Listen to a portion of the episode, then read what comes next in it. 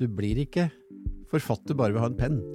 Det er det som er hele poenget. Mm. Så du må jo kunne traktere dette utstyret ditt, og du må jo fortelle den historien.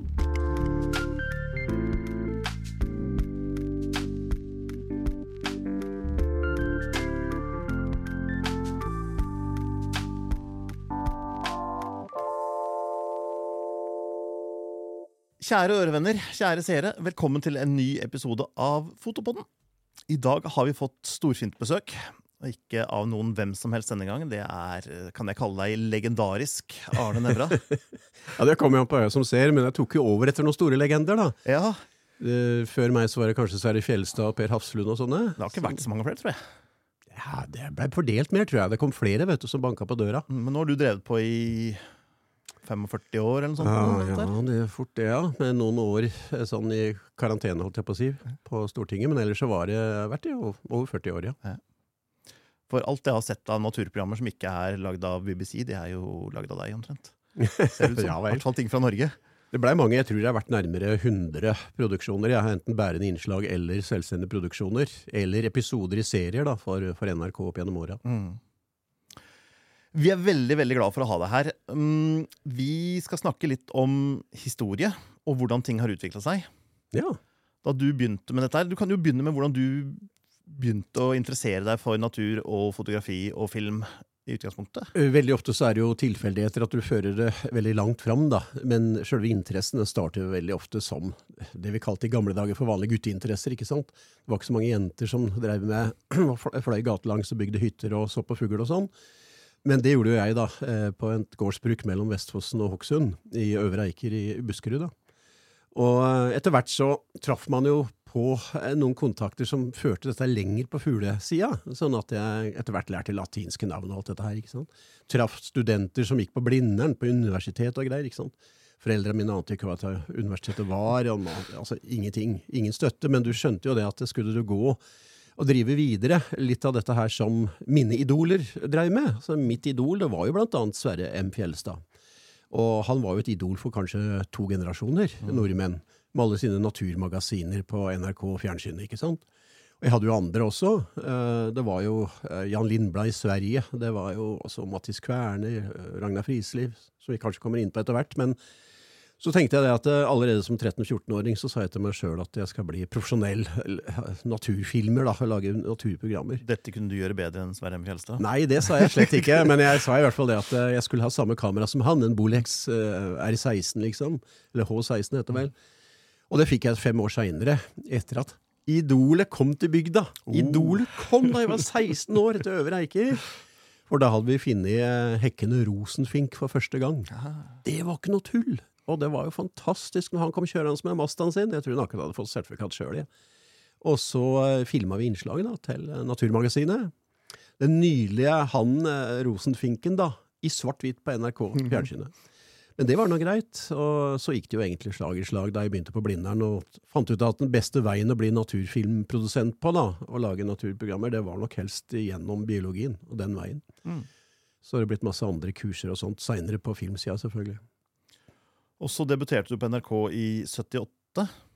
Ja, nå har du gjort god hjemmelekse, for det stemmer jo faktisk. Eh, Jeg begynte jo å filme på, eh, på det der reservatet som heter nat eh, Fiskumvannet naturreservat. Som jeg og en kompis også fikk oppretta. Jeg var jo 16 år da også, så fikk faktisk sendt fredningsforslag med all verdens opplysninger til um, naturinspektør Kristen Krogh i sin tid. Og fem-seks år etterpå så blei jo dette her området freda som naturreservat. Og det var jo fantastisk for en 16-åring å få til. Eh, Og da um, var det naturlig for meg å lage de to første programmene også for NRK nettopp derfra. da. Mm. Det var jo hele fuglelivet. da. Helsikes mye fugler Uh, fra alle slags kanter og vinkler. Med ett teleobjektiv, liksom. Uh, men det var nytt, nesten, det, altså. Ordentlige nærbilder av fugl i farver på Kodakrom, ikke sant? Det var ikke noe tull. Så da var det i 78, ja. Mm. Mange av lytterne våre de kan jo knapt huske en tid da man ikke brukte digitalt. Fortell litt om hvordan det var å bruke Kodakrom eh, 16 mm i 1978, sammenlignet med hvordan utviklingen har gått videre, og hva du gjør i dag. Altså, det er en, altså, det er jo en vanvittig revolusjon. Mange av disse som begynner i dag, de skulle nesten hatt juling. Altså, De veit jo ikke altså, hva, hva, de har gått glipp av, og hva de har, altså, har sluppet. Mhm. Hva de ikke har behøvd å gjøre. Um, jeg begynte jo med mye stilsfotografering også, vi må bare si det først. fordi at uh, jeg kjøpte mitt første Minolta SRT 101 for 1395 kroner. Hos Holden i Hokksund eh, for konfirmasjonspenga. Så snakker Og- vi seint 60-tall en gang. Vi kan vel si det sånn. Ja. Eh, Farlig at det bikka mot eh, 70, men på slutten av 60-tallet. Ja. Mm.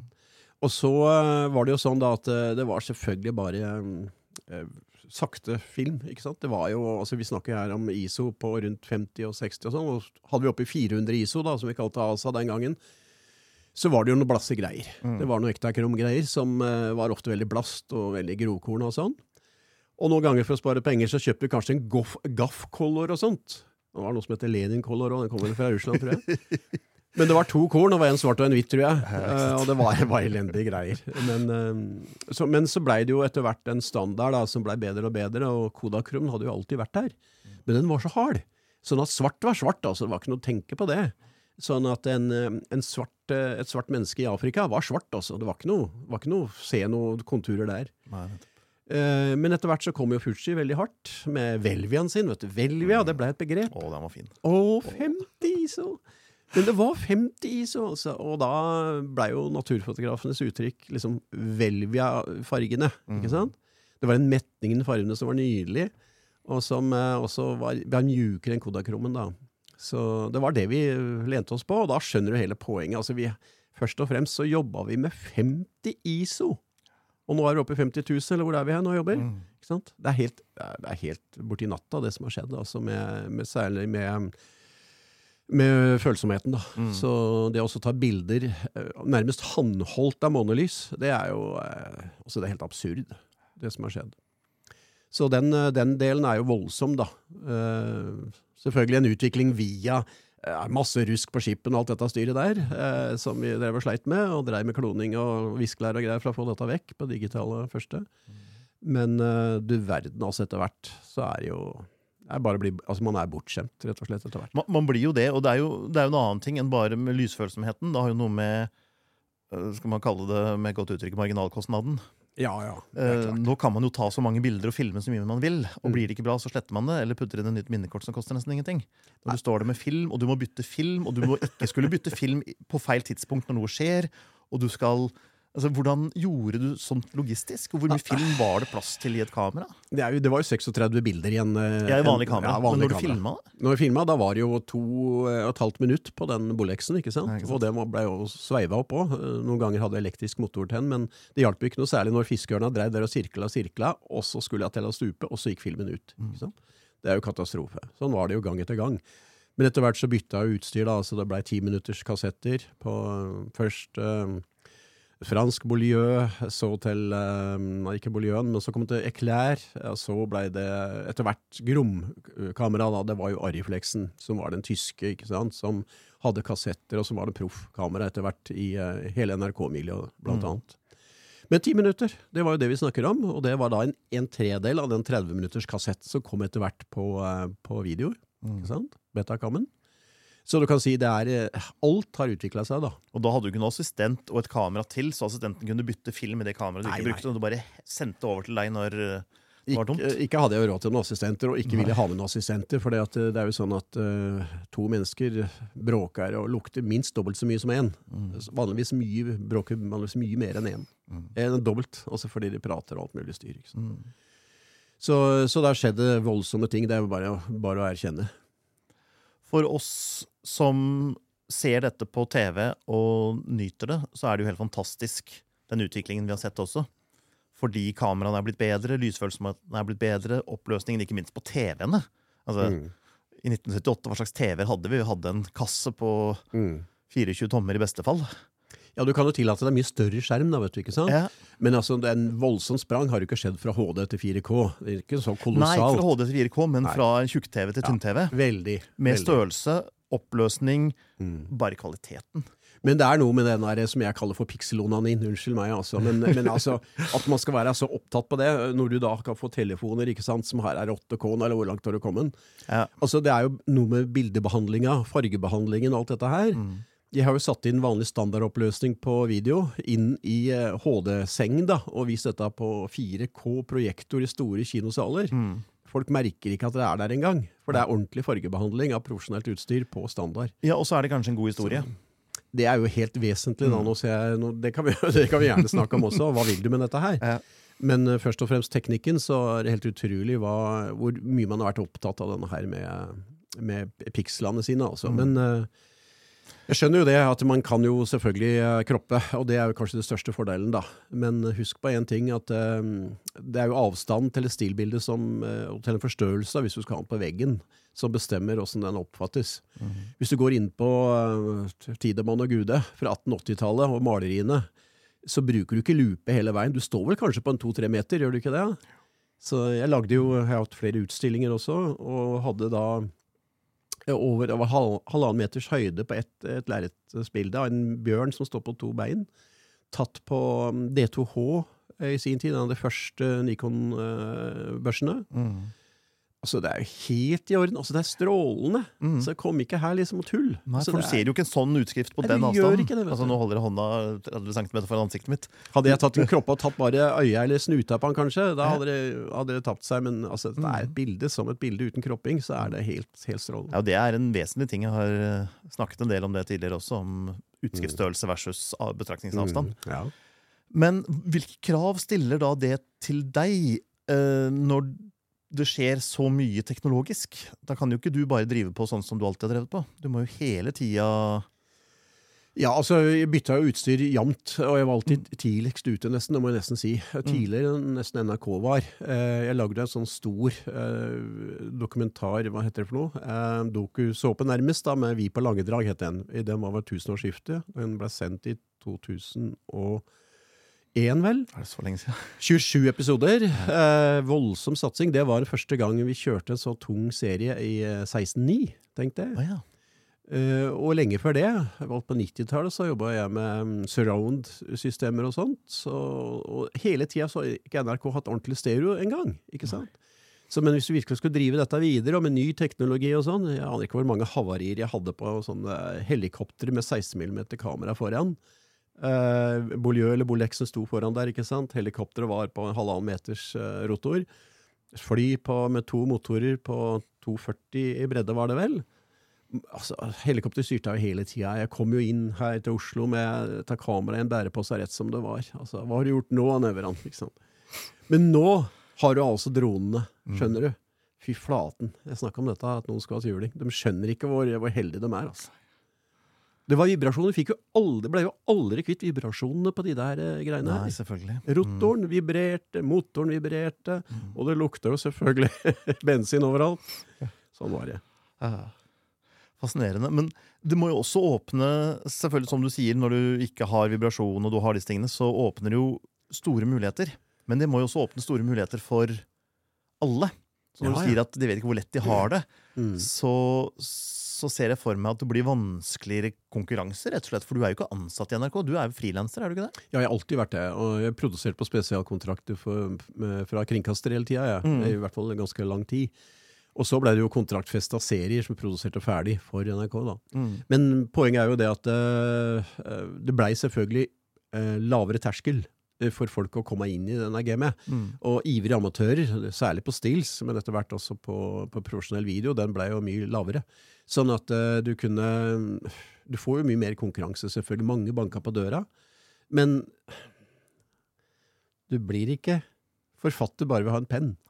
Det er det som er hele poenget. Mm. Så du må jo kunne traktere dette utstyret ditt, og du må jo fortelle den historien. Mm. Husk på det, på 70-tallet, også tidligere, da, men på 70-80-tallet, så var det nok med ei bevegelig bildebok. 25 bilder i sekundet, og de dyra gikk nå rundt der, og naturen var der, og, og fine farger og alltingen, ikke sant? Men etter hvert så holder jo ikke det. Du må altså ha en historie hele veien. Det må skje noe. Det er, eh, det er bare én modell også på video. Enten du lager 30 sekunder commercial, eller du lager gravejournalistisk dokumentar, eller du lager naturfilm, spillefilm, så er det hele tida det å holde seeren liksom i spenning. Du skal lage disse her kurvene dine, trappe opp, få et vendepunkt, ikke sant. Du skal ha dramaturgiske kurver, og utflating. Altså Alt dette her det er det samme, enten det skjer på 30 sekunder eller på, på en halvtime eller halvannen time. Mm. Men det er vel andre krav til det også nå? er det ikke det? Fordi vi syns jo de er ganske kjedelige, disse naturprogrammene fra 70- og 80-tallet.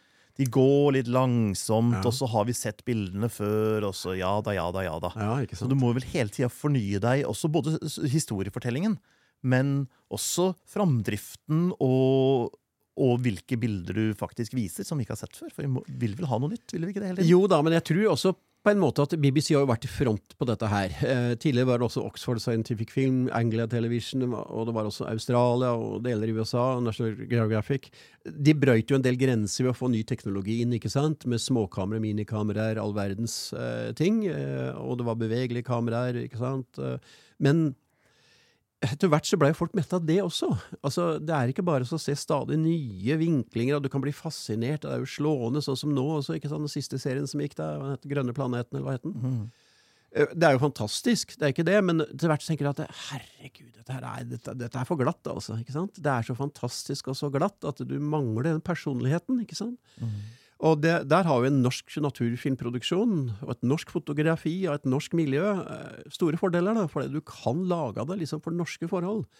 Og det å få inn kanskje et menneskelig element, eh, et budskap eh, Det kan være sånn at du har tanker om dette her du filmer, ikke sant?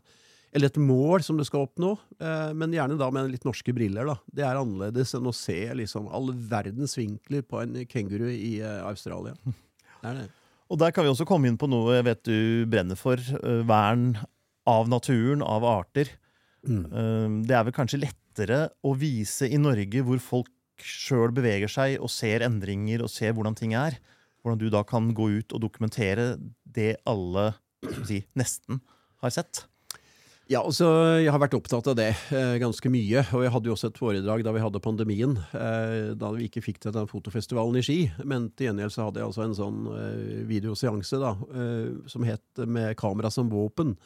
Og Da fikk vi inn en god del bilder da, som vi ba om fra fotomiljøene. Og, eh, og på natur da, var ramma for det.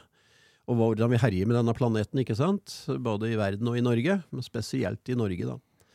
Og eh, vi har nok vært veldig snille, syns jeg. Altså, Vi har ikke hatt noe skarp penn, holdt jeg på å si, en skarp linse eh, fokusert på det som skjer. Vi har hatt en tendens til å ta vekk ikke sant, ledninger som er i veien. De skal enten retusjeres vekk eller finne en posisjon hvor vi ikke ser de ledningene, eller denne forbanna eh, mobilmasta i det fjerne. ikke sant? Mm. Det skal være reint og fint, jomfruelig og sånn. så og jeg ser jo gå i fella sjøl, hele tida sjøl. Altså, det er jo ikke noe fint å ha det der, liksom. Men det er noe der. Eh, men eh, det er jo mye verre ting å sette denne her linsa imot, rette linsa imot. da. Enten det nå er eh, en stygge hogster, ikke sant, i, i skauen. Enorme hjulspor, ikke sant, hvor de hogger ned ulovlig, hvor det er rødlistearter osv. Det kan være at vi bygger ned områder enormt for tida, ikke sant? enten det er motorveier eller det er vindkraft på land. Og da tenker jeg at da må vi si ifra. Og det er det der jeg savner litt, grann, med at vi da skal ha alle disse fotokonkurransene konkurransene hvor det er det ene vakrere enn det andre, og det mest spektakulære vinklene og sånt noe. Mens uh, vi kanskje ikke har vært flinke nok til å kunne si ifra, altså, med kamera. Og det er jo ikke tvil om at uh, er det på ett felt vi kan si at et bilde snakker mer enn tusen ord, så er det faktisk på naturfoto. Og da, Alle husker helt sikkert dette bildet mitt vet du, med den der berømte isbjørnen mm. på dette isflaket. Og det er et sånt et typisk sånn, sånn halvt ikonisk bilde blitt, da, hvor uh, Altså, Du ser det, så får du interesse, og du skjønner poenget med en gang. Altså, det er ikke noe, Du trenger ikke masse brødtekst. Selvfølgelig så kunne det være der hvor som helst på Svalbard. Det har skjedd hvert år at en sånn sitter på et isflak men du får oppmerksomhet rundt det. Mm. og Du skjønner poenget, og så kan du forklare da eventuelt i en brødtekst under. For det er jo For de som ikke har sett det, så er det jo det er vel kanskje ikke et isflak, det er mer sånn liten tupp av et isfjell som ser, ja, ja, sul, som ser ut som det er i ferd med å smelte bort. Ja da, det er det, vet du. Så det skulle, man ser for seg at det skulle vært is rundt, og så er det ikke is rundt. Og det eneste stedet den har å sitte på isen igjen, det er på denne isvullen som stikker opp av, av havet. Og det er litt det som gjør det så ja, det er mye vann rundt, ikke sant? Så det er det mm. som gjør det veldig spesielt. Og det fikk jo veldig tidlig telefon fra kontoret til Al Gore òg. Han drev jo med denne her uh, ubehagelige sannheten dette filmen sin, mm. og dette foredraget som han reiste rundt i verden med. Og de skulle bruke dette her bildet, da. Okay. Så, men nå er det jo altså det er stært mye og sånn, vet du, så bare å diskutere kjeltringer på, på, på stjerning av bilder, altså rettigheter, den, den, det er en lang diskusjon. Også. Det er helt jævlig. Den er nok ganske ille, men jeg tenker kanskje uh, All respekt for deg og din, ditt behov for inntjening, men akkurat det bildet trenger vel kanskje å gå rundt så nevralt som det kan? Jo, men det er ikke så moro hvis noen knabber det, og så bruker det og sender det inn til print. Nei. Nei. Nei. Og selger, og selger, disse bilene. Altså, er, så langt har det gått. Det er gått så langt. Å ja, Til forskjellige produkter. Mm. Ja, ja. Så du er en slags Alberto Cordo der? med... ja, eller Nightingale, kall det hva du vil. Robin Hood. Men vanligvis er det ikke de fattige som bruker det heller. Nei. Så, Nei da, men det er i hvert fall et budskap, og jeg tror nok det at uh, jeg har brenner mer og mer for dette her, at uh, vi, vi, må se på åssen vi herjer den med jordkloden. Altså. Mm. Og spesielt naturfotografer har en, uh, nesten en forbanna plikt altså, til å rette linsene mot dette her som skjer. Mm. Vi har jo hatt noen naturfotografer på denne fotopoden tidligere, mm. og mange av dem er jo veldig opptatt av dette her. Mm. Men samtidig så både skal de tjene til livets opphold, og det er vanskelig ofte å koble naturfoto med eh, Hva skal man si naturødeleggelsesfoto. Fordi Ja, ja jeg veit det. Og det, jeg veit jo det her. Og jeg kjenner det godt fra egne produksjoner òg. Det selger jo ikke noe særlig Nei. å komme med problemorienteringer. Det, det, er ikke så populært. Da kvier folk seg. Mm. De kan være opptatt av det, men de stikker helst huet langt ned i sanda. Mm. Det er en sånn stor fugl som ikke kan fly, som gjør det der. Ja. Eh, Den gjør jo ikke det, men Nei, du sier det. Og da er det slik da at uh, det du ikke ser, har ikke vondt av, liksom. Og Mm. prøver å unngå de ubehagelige sannheten, da. mm. Så uh, De som er flinke nok, de kan nok traktere begge deler. Ja. Og jeg syns kanskje at uh, flere og flere skulle gjort det. Uh, vi ser jo det reises verden rundt med disse lange linsene. De lange linsers natt. Uh, og tar alle slags nye typer bilder og sånn. Og det Altså, jeg skal være forsiktig med å kritisere det. Fordi at jeg sitter jo litt i glasshus. Jeg har jo lagd programmet fra fjerne strøk sjøl. Så uh, Men altså, det er et tankekors, altså. Kanskje gjøre begge deler, da. Mm. Mm. Vi hadde Torgeir Wittersjø Skanke her for ikke Mm. så lenge siden, og han påpekte jo at noe av utfordringen er jo at veldig mye av vernet er jo kommunalt. Mm. Så en kommune tenker ja, men om vi tar dette området og bygger hytte på, Mm. så gjør ikke det så mye, for det er bare her. Er bit for Og bit. da får vi redda både skolen og eldreomsorgen. Mm. Og så skjer det i alle kommuner. Og så tenker man ja, men kanskje staten burde overta, men nå driver jo staten og skal ødelegge en eller annen våtmark oppe ved Lillehammer for å bygge vei. Mm. Så det hadde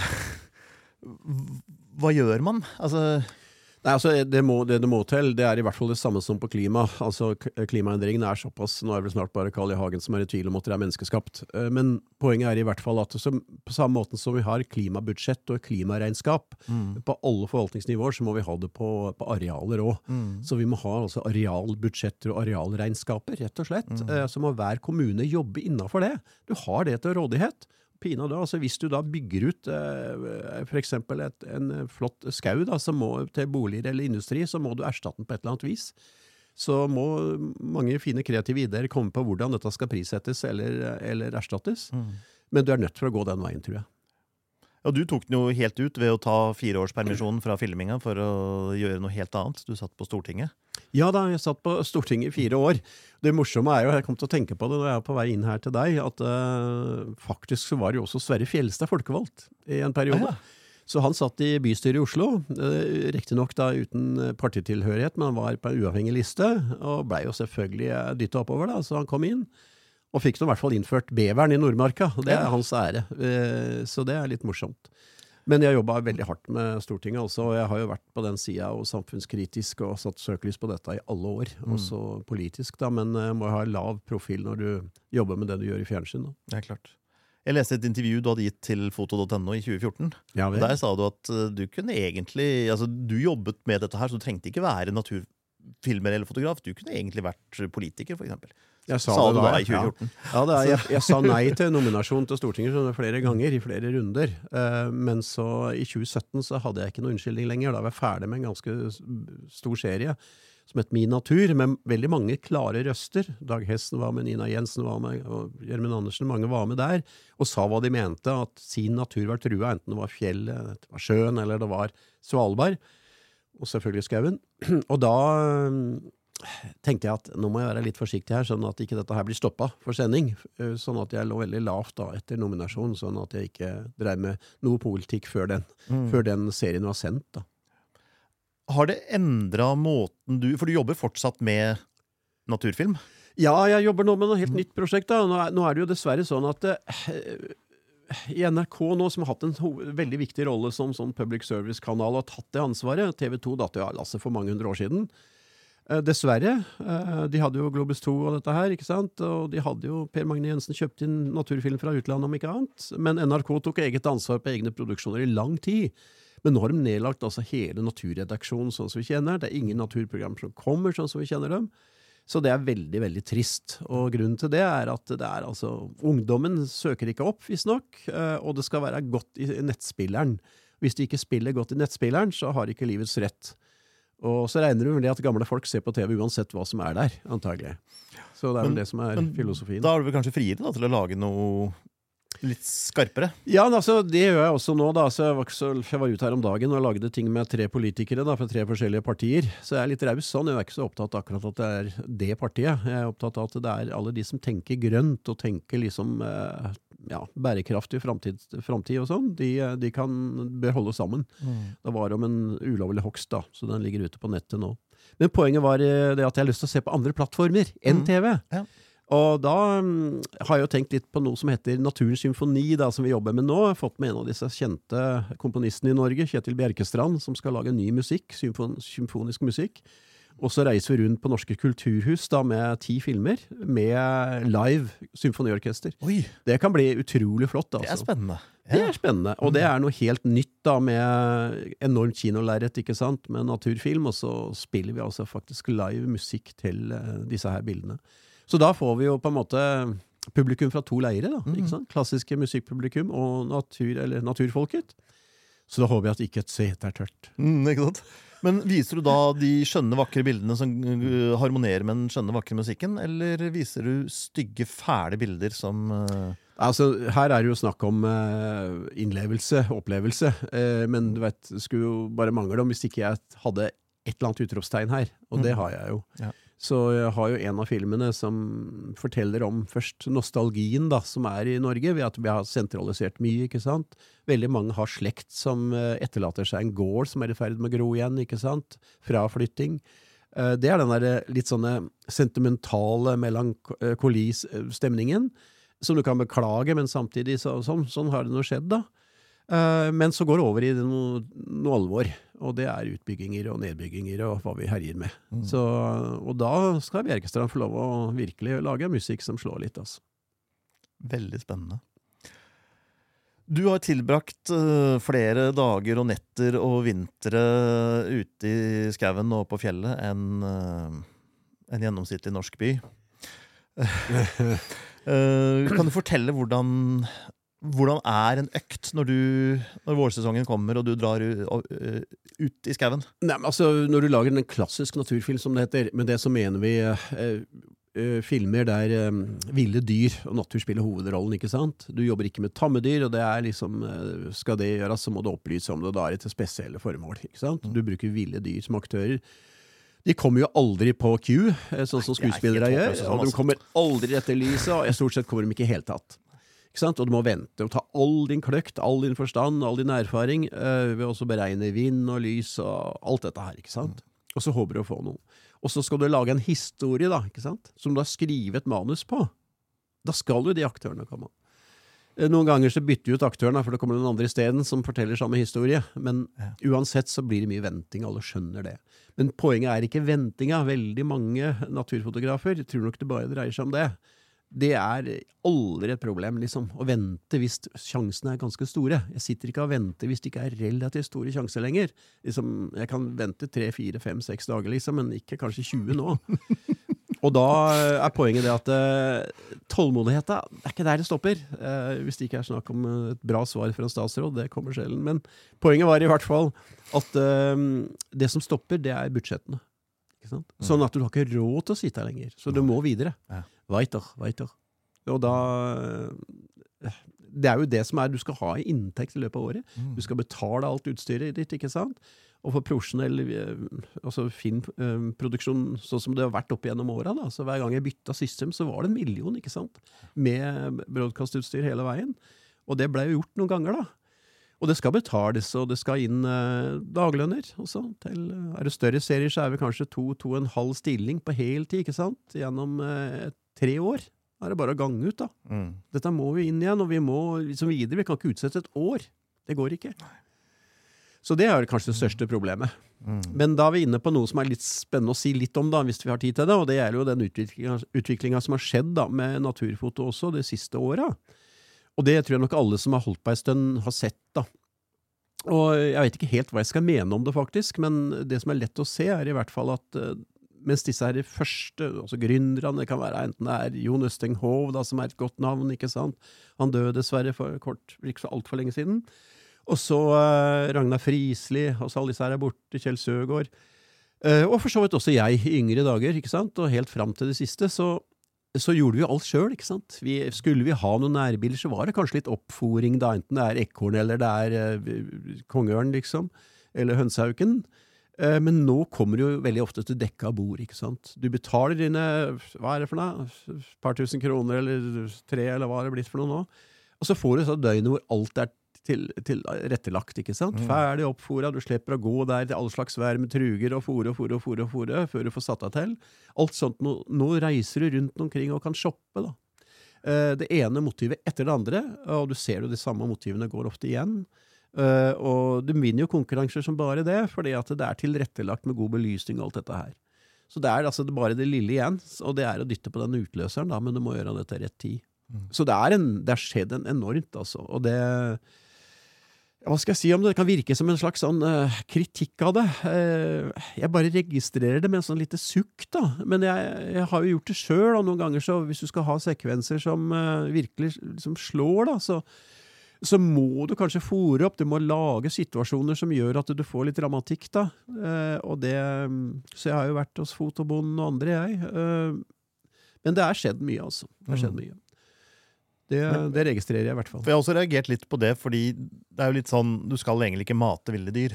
Mm. Men hvor mange av dem mates, og hvor ofte, og hvordan påvirker det? Altså Når du har et skjul, og du har et matested, og du tar opp turister hele tida, mater du da så mye at avkom ikke lærer å jakte, f.eks.? Eller kan man risikere sånne ting? Nei, det tror jeg ikke. Nei. Altså, De som kommer uh, for å spise kjøtt, f.eks., eller rovdyr eller rovfugl, så er det jo Sånn at de er jo utgangspunktet åtselsetere også. De eter jo døde dyr. Og det er jo renholdsverket i naturen, ikke sant. Mm. Og det er Nordens ribber, mange av dem. Enten det er kråkefugl eller rovfugl. ikke sant? Så det, det, har jeg ikke noe tro på. Men det vi ser, det er jo det at du kan få oppkonstruerte situasjoner som aldri ville skjedd ellers. Mm. Og det kan jo være for eksempel bjørn og ulv og jerv sammen, ikke sant? Som litt sånne slåsskamper, eller i hvert fall stridigheter og sånt noe, som har sett mye på grensa til Finland, da, med alle disse Ja. bildene som har kommet derfra. Og det er ting som kanskje ikke ville at, I hvert fall er aldri muligheter for å dokumentere, og det skjer så sjelden at noe sånt opptrer. Mm. Men når det er fast tilgang på eh, næring der hele tida, så er det klart, da skjer det der konfrontasjonene. Mm. Og det elsker fotografene, da. Du har brukt nesten hele din karriere i Norge. Du har vært i Antarktis, i hvert fall. Jeg har vært over mye deler av verden, for etter Langedrag, du, som var ganske hard greie, altså, jeg jobba med to år, eh, og hvor jeg nesten knekte nakken også økonomisk på det, så, så sa jeg til ledelsen i NRK at nå skal dere spørre av meg uh, om hva jeg har lyst til å lage, og så skal dere gi bedre betingelser. Og så ble det litt stille, for han, han store, husker jeg, Bjerkåsen, som satt da. Uh, hva har du lyst til å lage, Arne? sa han. og da blei det ni programmer fra hele verden. Uh, Kamtsjatka, Alaska, Indonesia, Borneo, tiger i India. Alltid en hovedperson, som jeg, eller hovedart, som jeg hadde lyst til å møte på denne Mhm. hold. Det var liksom hele ideen blant alt dette her, da, enten det var orangutangen i Borneo eller var fjellgorillaen i Rwanda. ikke sant? Så var det, var det som var målet, da. Så måtte jeg lage en slags rød tråd gjennom hele serien. da. Så jeg har jo vært rundt omkring en del, jeg også.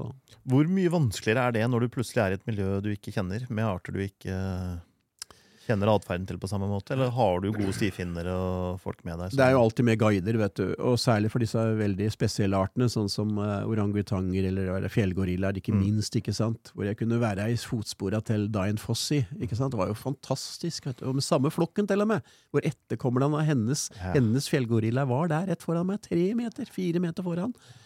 Det sabla sterkt, da. Og så kunne jo guidene fortelle om hele slektstreet, ikke sant? For de hadde fulgt disse her hver dag, natt og dag, og vokta dem. Og det gir faktisk noe av den største internasjonale, hva skal vi si, fremmede valuta-inntekten for Rwanda. Mm. Jeg prøvde å gjøre det samme i Uganda for uh, drøyt 20 år siden. Jaha. Så vi fulgte dem innover i skogen, og så kom vi til grensa til Kongo, og så hadde de kryssa grensa til Kongo. Nei. Da kunne ikke vi krysse. Da hadde jeg sittet, halvannen uke og humpa på en lastebil for å komme inn dit. Men, men, sånn er livet noen ganger med Sånn ville dyr. Ja. Sånn er livet. Mm. Så du Men det er Norge, det er norsk natur du da brenner for? Det er ikke sånn at Vil du ut igjen egentlig og lage mer av det, eller vil, trives du egentlig best i Norge? Nei, altså Det eneste som, eh, som på en måte trekker til utlandet nå, for meg, syns jeg, det er at jeg kunne godt vært et år liksom i eh, enten i eh, Canada eller Alaska. Gjerne på et fast sted hvor du har hele året igjennom. For du ser altså helt intakt natur da, eh, av vår naturtype. Altså barskogsområdet, boreale barskog som det heter, rundt hele jordkloden. da. Eller eh, også i Russland, hvis de hadde oppført seg fint. Mm. Og eh, jeg må jo si det at Kamtsjatka var jo veldig spennende, da. Omtrent, hele den halvøya er omtrent som Norges størrelse, Ja. og, men bare 300 000 innbyggere, ikke sant? Og så masse bjørn og fin natur, da. Så det er, det er noen sånne steder hvor du kanskje skal få den der opprinnelige villmarksfølelsen igjen. Som, eh, vi har jo ikke mye villmark igjen i Norge, selv om mange tror det. ikke sant? Vi har, eh, vi har bygd mye ned, altså. Og vi er, uansett så er det kanskje en kraftledning som du ser i det fjerne, eller det er en vei, eller det er noen menneskelige aktiviteter. Eller spor etter mennesket jevnt, da. Det er vel noe med dette opprinnelige eh, som, som man trekkes mot, da, hvis en har vært såpass mye i naturen som jeg har vært, og så har sett at det har gått litt galt i løpet av mitt liv, i hvert fall, med moder jord.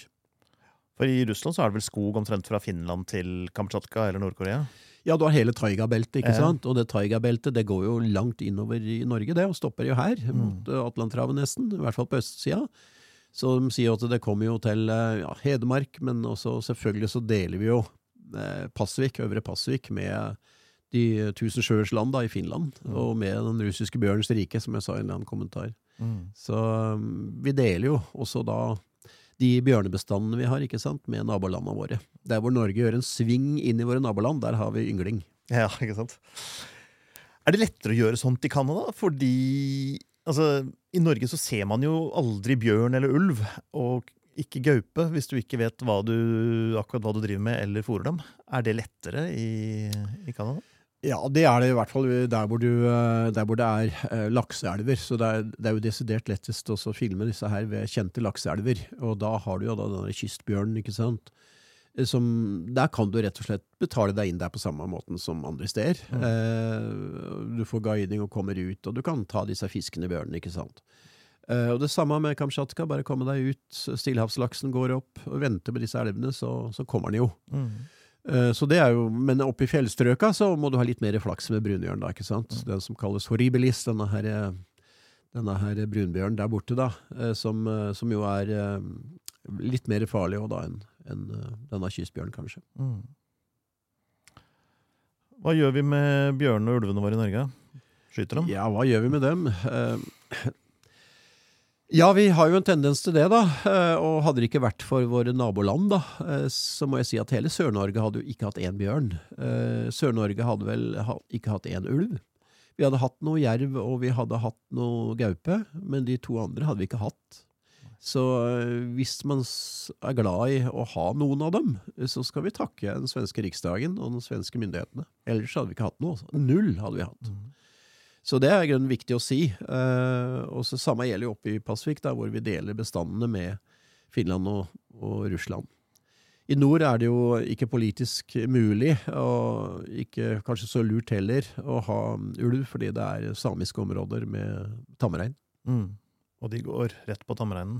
Ja, ulven gjør nå det hvis den Mm. kan, og gjerne når, når disse her går ned i skogsområdene, så, så gjør de jo det. Mm.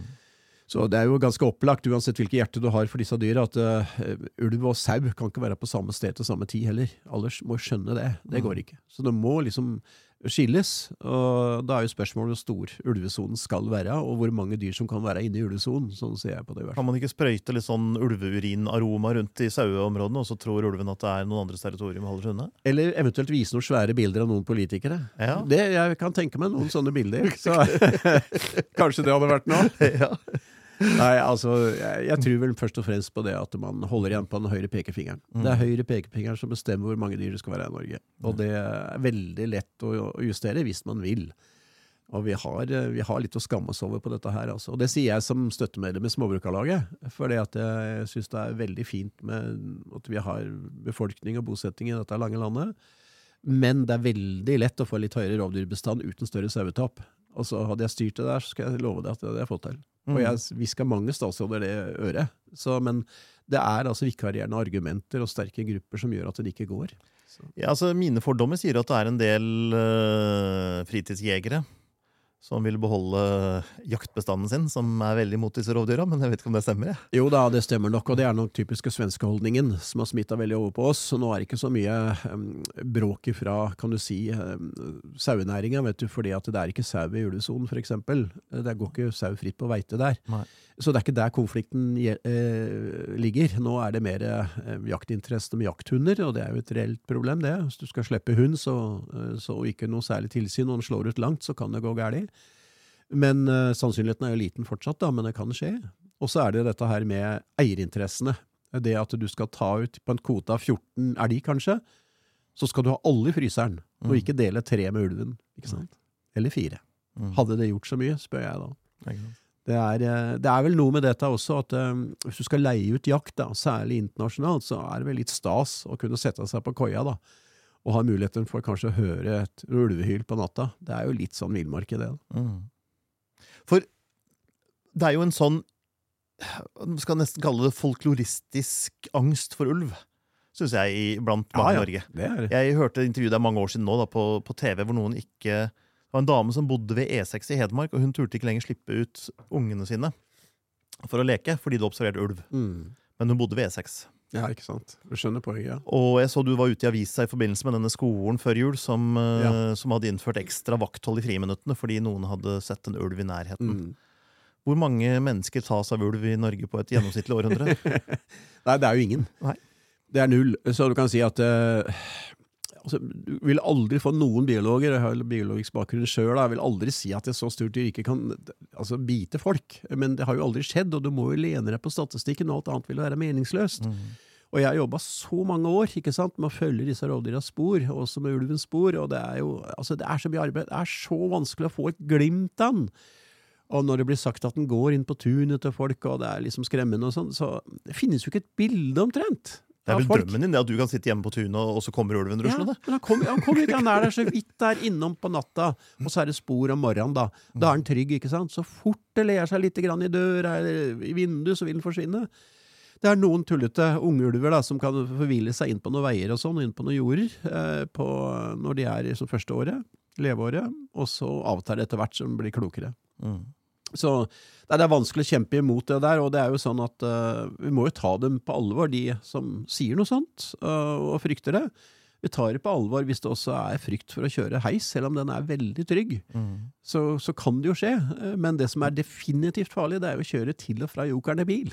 Ikke sant? Og vi skal kanskje ikke tilrettelegge samfunnet til de som er redd for å ta heisen, eller de som er redd for For det er det føler kanskje mye gjøres nå. At det er en sånn iboende frykt, og så skal man tekkes de som har en irrasjonell frykt.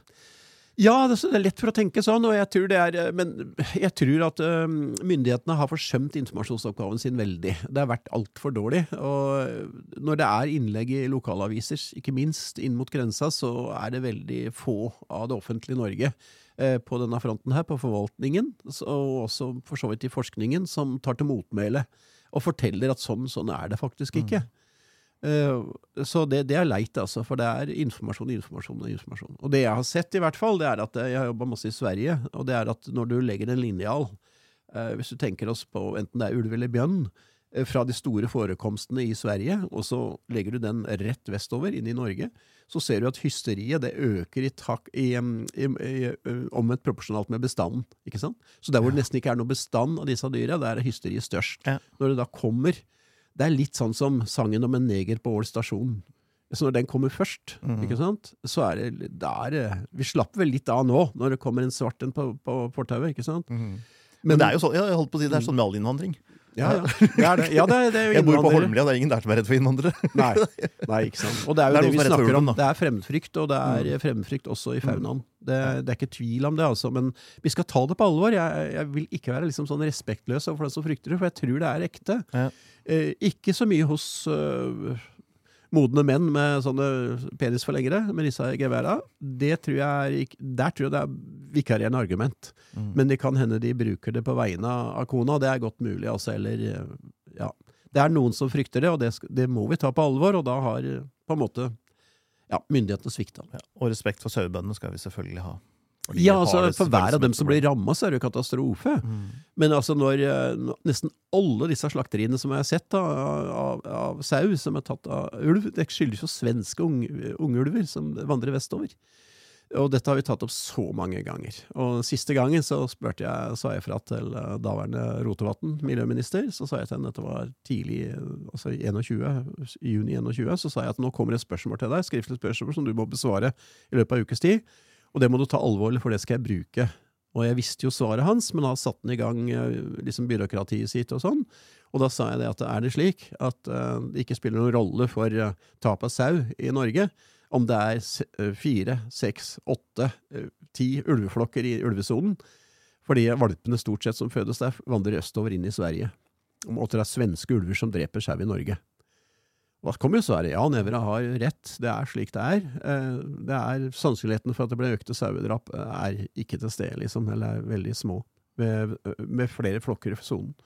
Så da skjønner du, altså det er, det er helt dønn vitenskapelig slått fast. Kunne det bli færre drap av flere ulver? I sånn? Ja, det er det det kan. Og det er ganske interessant, fordi at det, eh, det er ingen som kan vokte grensene bedre enn ulven sjøl. Så du kan si enten det er SNO, politi eller lokale folk med, med børser, så vil uh, ulven sjøl, som har et revir på mellom kanskje 300-400 kvadratkilometer opp til halv, altså 1500 kvadratkilometer, det vokter de. Med nettopp det du sa i stad, med urin og markeringer, altså. Og kom ikke her, altså. Og tråkker over her, så skal vi ta deg. Mm. Så de, holder, de, de skygger unna. Og Det betyr at da kunne jo ulvesonen vært en barriere vestover for svenske ulver. Mm. Nå er vi langt ute på viddene her. Er, det, var, det kom et stykke unna, men jeg syns det er ganske Ja. interessant. Så, så sånn blir det noen ganger. Ja, men takk skal du ha. Dette er bra, det. Ja. Eh, Vi kan jo begynne å runde av, hvis ikke det er noe du har veldig lyst til å snakke om som vi ikke har tatt opp.